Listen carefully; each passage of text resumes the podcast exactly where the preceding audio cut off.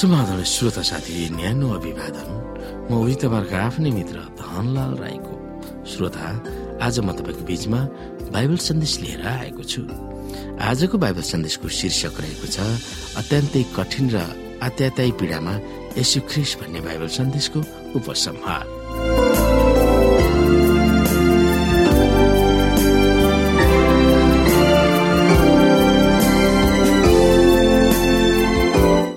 साथी उहाँले तीनपल्ट आफ्नो पीडा प्रार्थनाद्वारा पोख्नु भएको थियो। तीन पटक उहाँको मानवता अन्तिम शीर्ष बलि हुनुबाट खुम्चिएको थियो।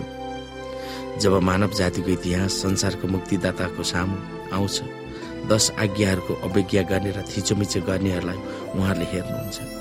यदि त्यत्तिकै छोडियो भने सबैजना नाश हुने निश्चित छ।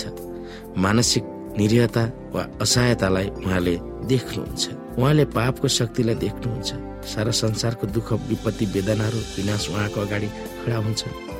निकट भविष्यमा आउने यस संसारको गतिलाई उहाँले हेर्नुहुन्छ।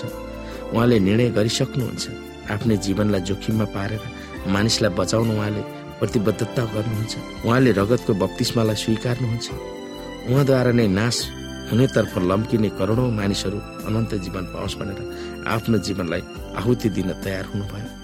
स्वर्गका स्थानहरू उहाँले छोड्नु भएको थियो जहाँ शुद्धता निर्मलता सुख शान्ति मेलमिलाप र महिमाले भरिएको छ। एउटा हराएको भेडा यस जगतमा एउटा हराएको पृथ्वी जहाँ परमप्रभुको नीतिलाई मिचेर नाश हुने बाटोमा लागेका मानिसहरूको ताती छन्। त्यसलाई उद्धार गर्न उहाँ आउनु भएको थियो। जब उहाँले आफ्नो लक्ष्यबाट फर्किनु हुने छैन उहाँ पाप गर्न रुचाउने मानव जातको निम्ति मर्न निदो गर्नुभयो। उहाँको प्रार्थनाको सास अब उहाँ अर्पित हुनुभएको देखाइएको थियो। यस कचौरा मैले नपिउन्जेल मबाट हटियोस्। तपाईँको इच्छा पुरा होस्। श्रोत साथी परमेश्वर पिता आफै ख्रिसको व्यक्तित्वद्वारा कुनै पनि मानव प्राणीले दुःख पाउनुभन्दा कडा दुःख पाउनु भएको थियो भन्ने आत्मज्ञानले हामीले पाउने दुःखमा कसरी सान्त्वना मिल्दछ? हाम्रो लागि ख्रिसले सहनु भएको दुःखहरूको अर्थ हामीलाई के छ? यस अचम्मको सत्यले हामीले के सान्त्वना खिच्न सक्छौँ? जब तपाईँले यसबारे चिन्तन गर्नुहुन्छ। तब दिदी एलेन्जु हाइटको यो कथनलाई हामी दिमागमा राख्न सक्छौँ। पापले र पापको ज्याजतीले ल्याएको सबै दुःख कष्टहरू पाप रहित परमेश्वरको पुत्रको काखमा खन्याइएको थियो। विश्वासीहरूको समूहमा यस अध्यायमा उल्लेख गरिएका यशुको दुःखको बारेमा हामी समीक्षा गर्न सक्छौँ। के के पीडाहरू उहाँले भोग्नु भएको थियो? तिनीहरू हामीले भोग्ने जस्ता कति छन् र हामीले भोग्ने भन्दा कति फरक छन्? उहाँले तिनीहरूलाई कसरी सम्हाल्नुभयो जसले गर्दा हाम्रै अति दुःखमा कसरी सम्हाल्ने भनेर उहाँबाट हामी के सिक्न सक्छौँ? तपाईँ हाम्रो मनपर्ने बाइबलका प्रतिज्ञाहरू के के हुन्? तपाईँको दुःख कष्ट वेदना र पीडामा ती प्रतिज्ञाहरूमा कसरी झुन्डिरहन सक्नुहुन्छ? हामी लेख्न सक्छौँ। आफ्नै लागि दावी गर्नुहोस्। अरूहरूलाई हामी सुनाउन सक्छौँ। हामीले यस अध्यायबाट सिकेका उल्लेखनीय मुख्य विषयहरूलाई सारांशमा हामी उतार्न सक्छौँ।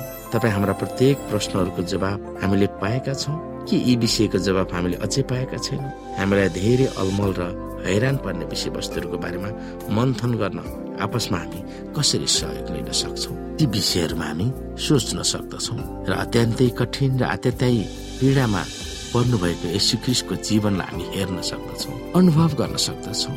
हाम्रो मनलाई उहाँमा समर्पित गर्न सक्दछौँ। कस्तो समयमा यस हुनुहुन्थ्यो कस्तो पीडामा उहाँ हुनुहुन्थ्यो त्यो कठिन परिस्थितिलाई हामी अलिकति भए पनि नजरअन्दाज गर्न सक्छौँ। हेर्न सक्छौँ मानव जगतको लागि उहाँले के मूल्य चुकाउनु भयो कस्तो पीडामा पर्नुभयो। श्रोता साथी उहाँले त्यो पीडाहरूबाट मुक्त हुन सक्नुहुन्थ्यो। उहाँले आफूमाथि आइपरेको कचौरा आफूबाट हटाउन सक्नुहुन्थ्यो। त्यो शक्ति उहाँमा थियो तर पनि उहाँले त्यो कुरा प्रयोग गर्नु भएन। किनकि उहाँले संसारको मानिसहरूलाई देखाउनु थियो मानिसहरूलाई बुझाउनु थियो उहाँले हामीले हेर्यौँ श्रोता उहाँ शरीरमा हुनुहुन्थ्यो उहाँलाई दुख थियो उहाँलाई पोल थियो उहाँलाई पीडा हुन्थ्यो। तरै पनि उहाँले ती कुरा तपाईँ र मेरो निम्ति सहनु भयो थुकाई पिटाई कुटाई सबै कुरा सहनु भयो धेरै ठुलो पीडामा उहाँ पर्नुभयो। ती कुरालाई हामीले अनुभव गर्न सक्छौँ हेर्न सक्छौँ। मानव बचावको निम्ति उहाँले कस्तो आत्यात्यायी पीडामा पर्नुभयो कस्तो कठिन परिस्थितिमा पर्नुभयो हामीले त्यो कुरालाई बुझ्न सक्दछौँ। ती कुराबाट हामीले केही पाठहरू सिक्न सक्दछौँ।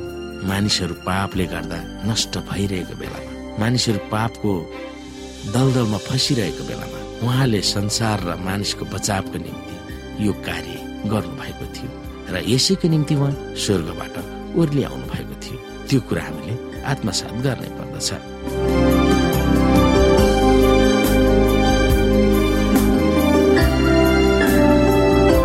श्रोता साथी आजको लागि भएको सन्देश यति नै।